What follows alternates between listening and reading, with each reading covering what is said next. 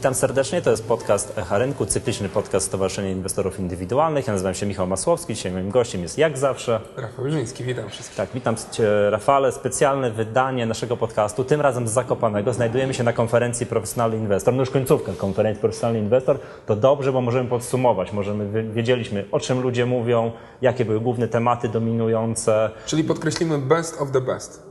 No tak, znaczy ciężko mówić, że to dobre rzeczy, bo raczej ja ci tak powiem, Rafał, że tak już przesłuchiwałem, brałem udział w dyskusjach i spotykałem się z ludźmi, to taki trochę dekadentyzm. Mm, jakby żałoba taka panuje. trochę? Czy ja wiem, czy żałoba, tak, tak powiedział, że e, takie trochę niepewność, niepewność, a jeszcze popatrząc na to, gdzie jest kurs WIG-u 20, no to już w ogóle wszyscy tak załamują ręce. Matko Boska, ten naszyny chyba trzeba będzie, będzie zamknąć. Patrząc na to tak już bardzo długoterminowo, to pamiętam taką sytuację, kiedy już wszyscy mówili, że ten rynek kapitałowy to jest nam do niczego niepotrzebny. To były mniej więcej lata 2002-2003 i wtedy wszyscy, wtedy pamiętam, że obroty się na giełdzie to były takie, że giełda była na stracie, wszystkie spółki strasznie zdołowane, już, już odzywały się głosy takie, no ten rynek kapitałowy trzeba byłoby zamknąć, a wszyscy pamiętamy, co było, co było potem, tak? No słuchaj, no, głównym tematem, jednym z głównych tematów, który się przewijał tutaj, to oczywiście było, no to oczywiście wiadomo, zmiana władzy w Polsce i expose pani premier Szydło i to, co ona zapowiadała, tak? No chciałem Cię, Szafale, podpytać, jak to może wpływać na kolejne spółki.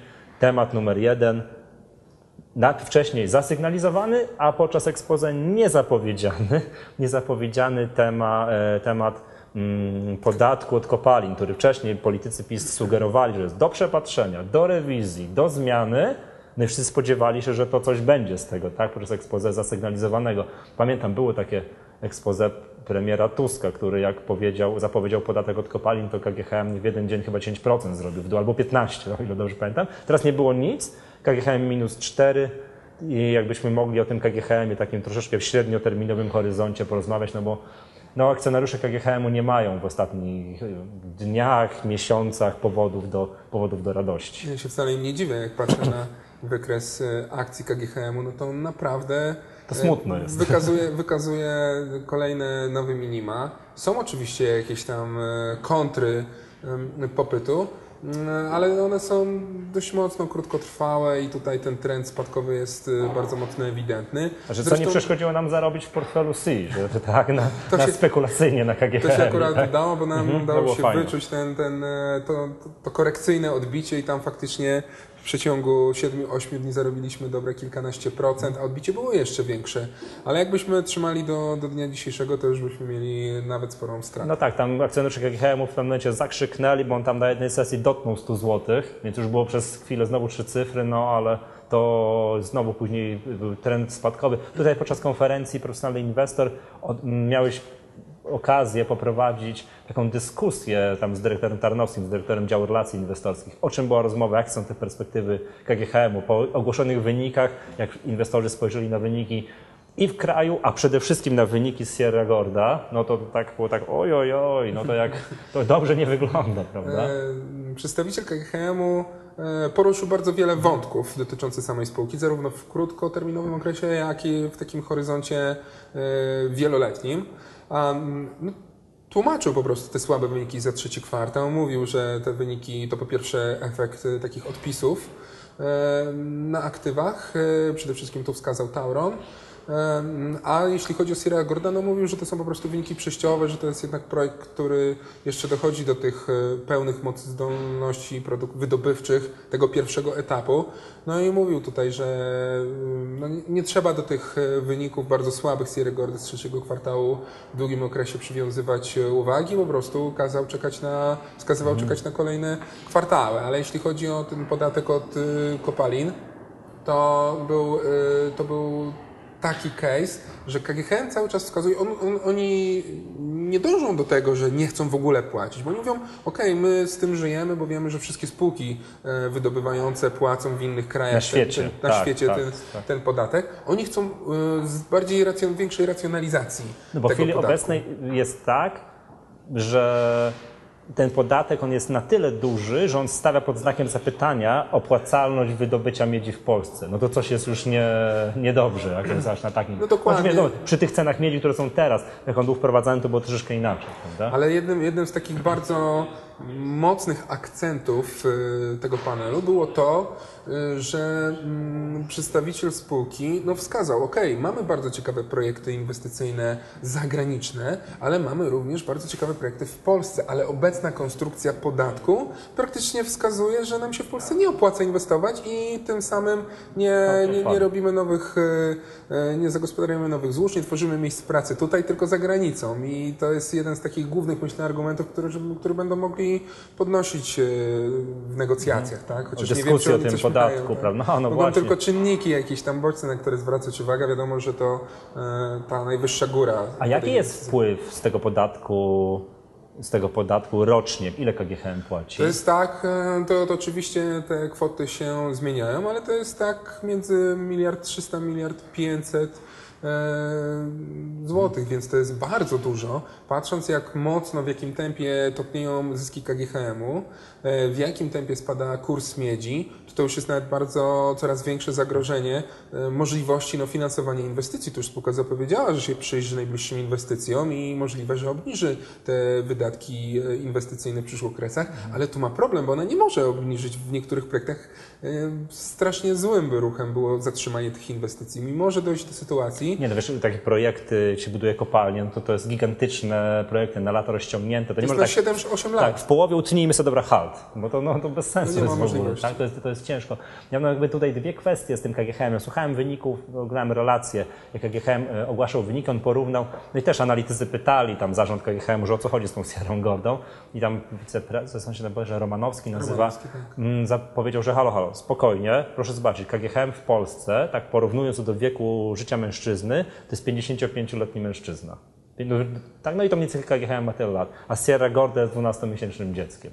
Więc jakby jeszcze trzeba dać im się troszkę rozpędzić. Mnie natomiast zaniepokoiło to, bo jak ty miałeś swój wykład, to ciebie tam, um, uczestnicy konferencji pytali o, o to, o ten KGHM i ty bardzo, no, to było niepokojące z punktu widzenia akcjonariuszy KGHM, jak ty porównałeś, że wykres cen miedzi i jakby popatrzeć na wykres cen węgla, to jest tak bardzo z grubsza, to, to jest, są podobieństwa, tylko trochę w czasie się, trochę w czasie. trochę w czasie, a jak słyszę o cenach węgla, no to mam na myśli, no mam przykład JSW, no i tak, to nie wygląda już naprawdę nie wygląda dobrze. Tak miał się, czy widzisz możliwości, żeby podobny case powtórzył się w przypadku KGHM-u? Przecież wiemy, że KGHM no, dostarczyciel dywidend dla Skarbu Państwa bardzo dużo, a to za sekundkę może okazać, że to będzie problem nawet z tym wypłatą dywidendy. To już mówię, ja przedstawiłem taki czarny hmm. scenariusz dla tej spółki. Wystarczy, że się zrealizują dwa czynniki, żeby hmm. ten czarny scenariusz miał duże prawdopodobieństwo wystąpienia. Pierwszy czynnik to jest brak zmian w zakresie podatku od kopalin, czyli dalsze bardzo duże obciążenie kosztowe spółki, a drugi czynnik to jest y, dalszy trend y, spadków cen miedzi, który podąża i bardzo często jest tak, że on kopiuje po prostu to, co dzieje się na innych surowcach, przede wszystkim na ropie. A ja już ostatnio słyszałem, coraz więcej pada wypowiedzi, że jest tak nadal olbrzymia podaż na rynku ropy, jak ropę mamy pod poziomem 50 dolarów, to już jak słucham, że może spaść nawet do 20, no to a jakby mieć by dalej śladem w takich scenariuszach czarnych poszło, no to naprawdę to nie są a mamy Orlen w portfelu C? Mamy. Mamy Orlen, ale Aha. Orlen idzie do góry wtedy, jak cena ropy spada, więc tak, tak dlatego tak, między innymi on jest w tym portfelu. No dobrze, bo to cena ropy spada, Orlen idzie do góry, a ten miedź idzie w dół, to KGHM spada, więc zawsze trzeba jakoś trochę zdywersyfi zdywersyfikować. Wiesz co, jakby tutaj przychodzą do tego KGHM-u, bo to wiesz, to te dywidenda, bo ty też powiedziałeś bardzo taką rzecz, która mi się po prostu do tej pory w głowie nie mieściła.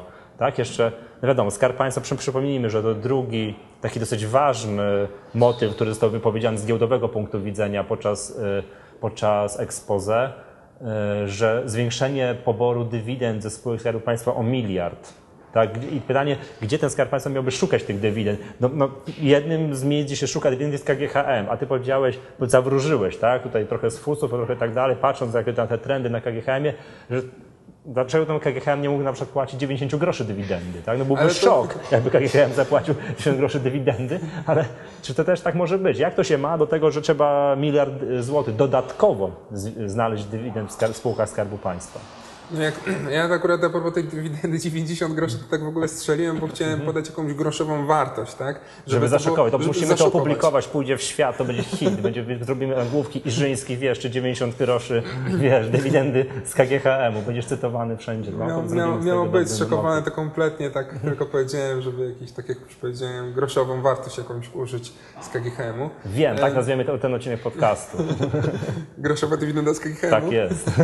Nostradamus e, Prim. Tak. Mm, Chodzi o to, że jest skoro e, w expose e, nowej, no, już przyszłej pre, pani premier, pada taka zapowiedź, że mamy, że, że rząd chce o 1 miliard więcej z dywidend, no to od razu patrzymy, jaka jest struktura wpływów, które spółki najwięcej wpłacały do tej pory Mhm. do kasy państwa. No to mamy energetykę i mamy paliwowe spółki, ale przede wszystkim energetykę. Przede no wszystkim dobrze, energetykę. ale energetyka ma ratować górnictwo.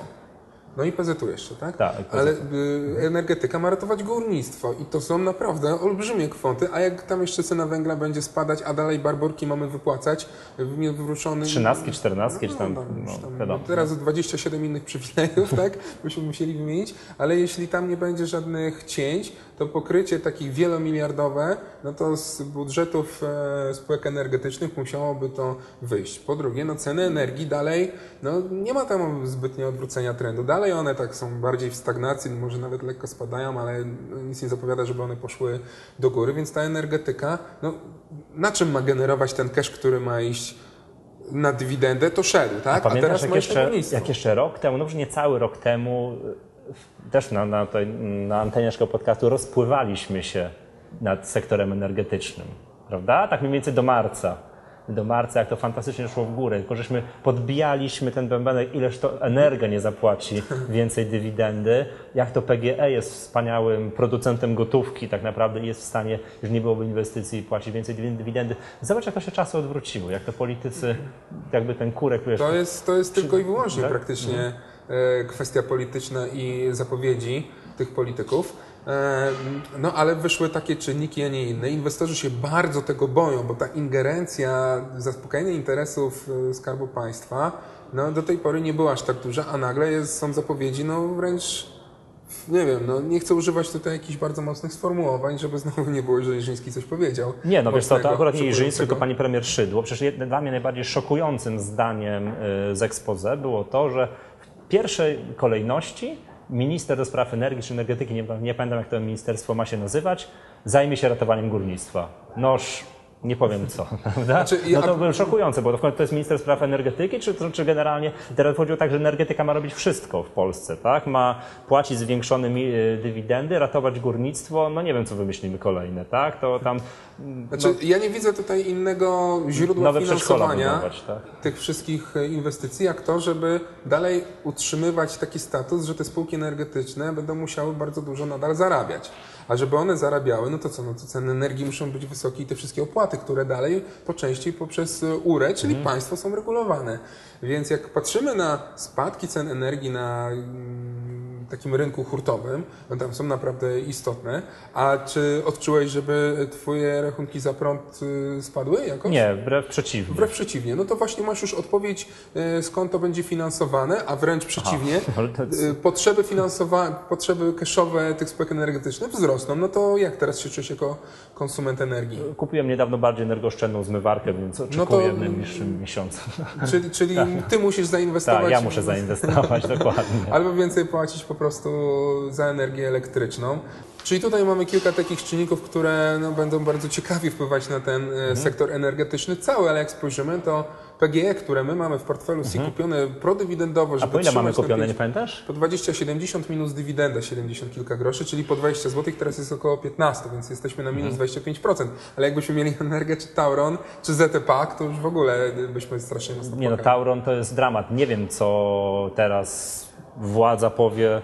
No teraz to zawsze może powiedzieć, że to poprzednia władza. Co mają po powiedzieć ci, którzy kupili to w ramach IPO, żeby akcjonariat obywatelski i tak dalej, po bodajże 5, 13?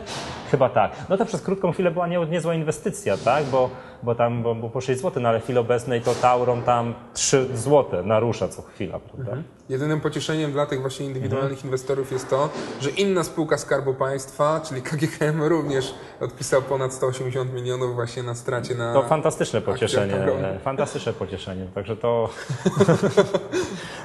Słuchaj, dobra, więc zostawmy na chwilę tę energetykę, tak? Jakby jeszcze, jakbyśmy jeszcze z takich rzeczy dużych, tak, które się działy w ostatnim okresie, o których warto wspomnieć, to jest podatek od, od, od transakcji, który chy- chyba na chwilę się oddalił, tak? Przypomnijmy, że zapowiedzi nowej władzy, jeszcze przed wyborami były takie, że oni przyglądają się jakby dwóm takim dużym, znaczącym podatkom. Pierwszy to jest podatek od branży bankowej, chyba w najgorszej możliwej formie, czyli od aktywów. To też sprowadzi wyniki wielu banków na minus. I drugi podatek od transakcji. I trzeci, od sklepów Od sklepów wielkopowierzchniowych. Tak, już CCC CCC się załapie. Już mówi, że załapią się na ten. słabo. za- Tak, bo nie wiadomo, one są pomyślane o takich sklepach typu Tesco i, i tym podobne, ale właśnie CCC i co to jako druga spółka się załapie? LPP. LPP też się załapie, no tak, to jest to, ale jakby ten wybór między bankowym podatkiem a podatkiem od transakcji był jakby rozpatrywany, tak? No i takie przewidywane przychody z podatku tak, budżetowe, z podatku bankowego to jest około 5 miliardów złotych, a z podatku od transakcji 1,7 miliarda złotych. Na No teraz? ale,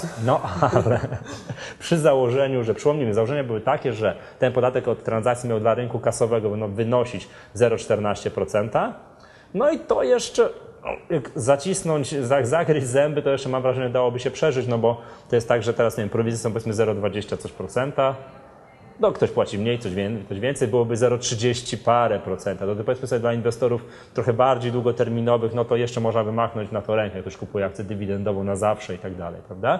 Ale e, podatek transakcyjny 0,07% od rynku terminowego, ja tu uknąłem taką teorię, że zabija rynek terminowy w tydzień. Tak mniej więcej. A Mówimy o kontraktach terminowych i kontraktach Forex. termin i, i Forexie. Bo to jest tak, no w chwili obecnej prowizje od, od kontraktów terminowych, tych notowanych na giełdzie papierów wartościowych to są 9 zł, 8 zł, bardziej aktywni inwestorzy 5 zł. W tych granicach. 0,07%. To nie brzmi przerażająco, ale jak przeliczymy, bo to się uwaga, liczy nie od depozytu, tylko od całej wartości kontraktu, który teraz jest no tam kilkadziesiąt tysięcy złotych, to jest około w tym momencie około 30 zł.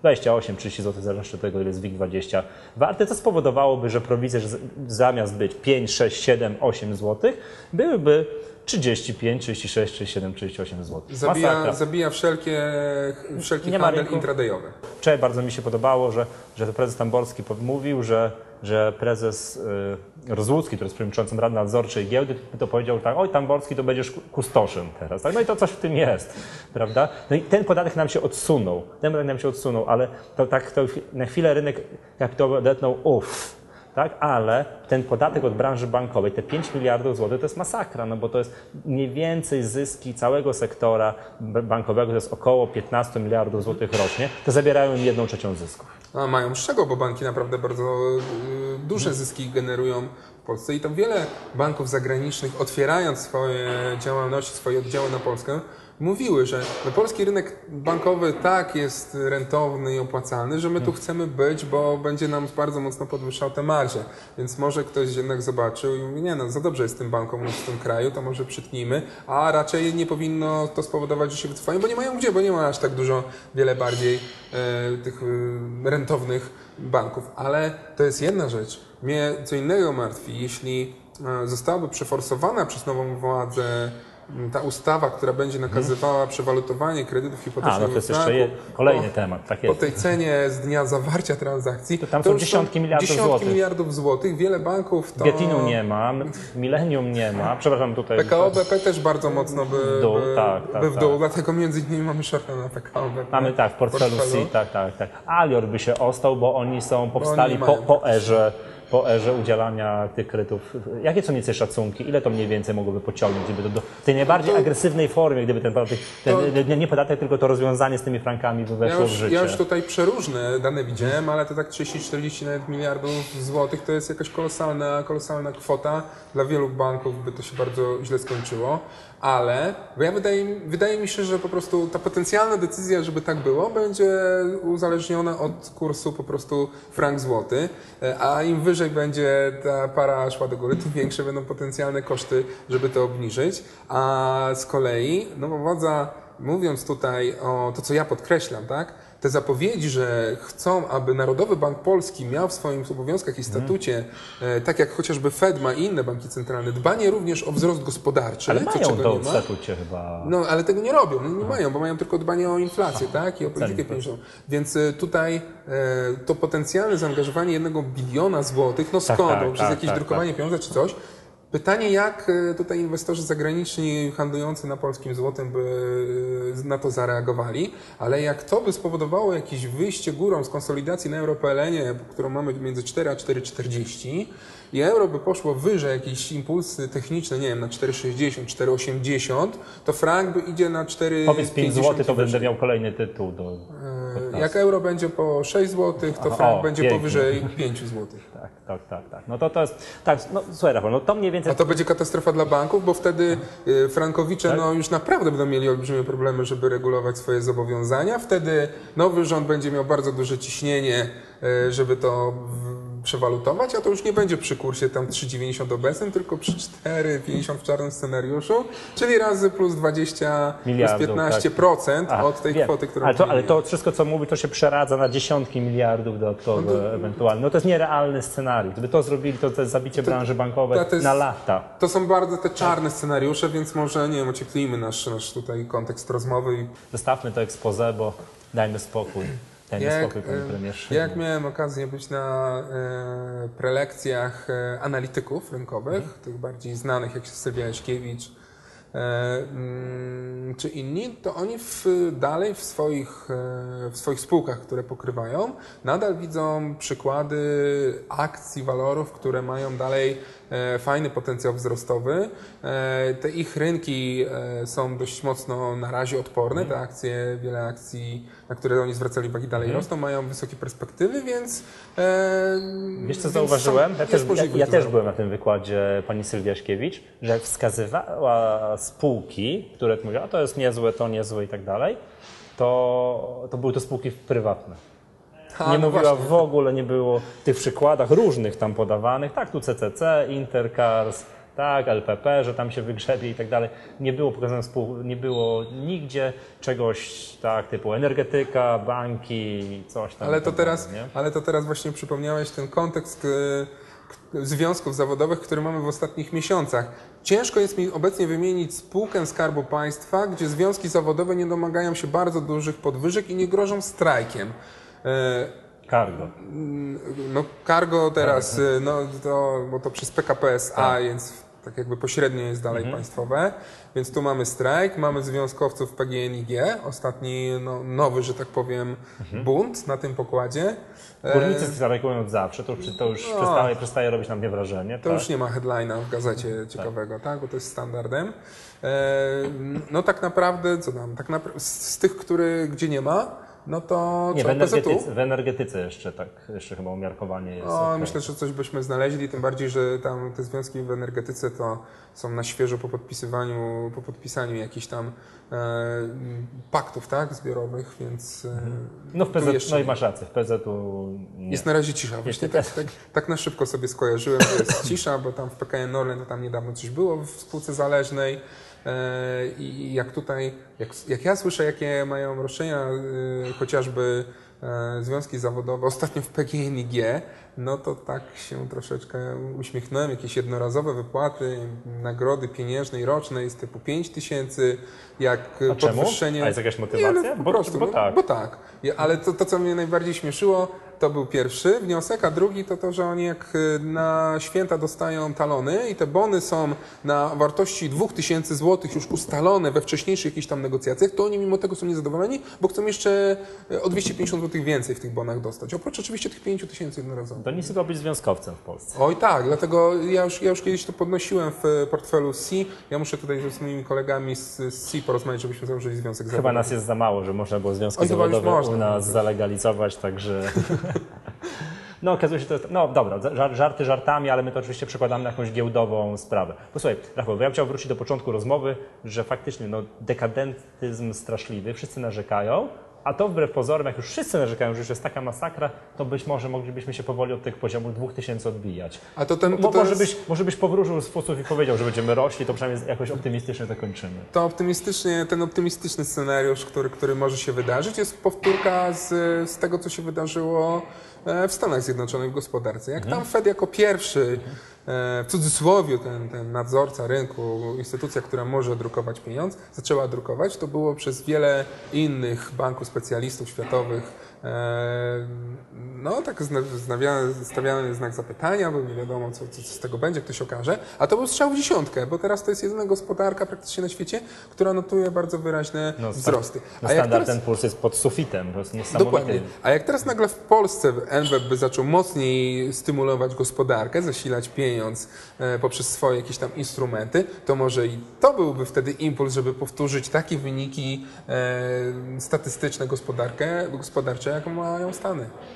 Dobra. I to jest ten optymis- optymistyczny akcent. Dobrze, to co, to chyba wszystko, tak? To, Rafale, dziękuję Ci bardzo. Drodzy Państwo, do zobaczenia, do usłyszenia następnym razem. Informacja do osób, które słuchają nas przez iTunes, tym razem może nas zobaczyć. Trzeba wejść na stronę stowarzyszenia albo na kanał Inwestorzy TV i tam będzie można nas zobaczyć. Mam nadzieję do usłyszenia i mam nadzieję do zobaczenia następnym razem. Dziękuję bardzo, do zobaczenia. Dziękuję serdecznie, usłyszenia. Do usłyszenia.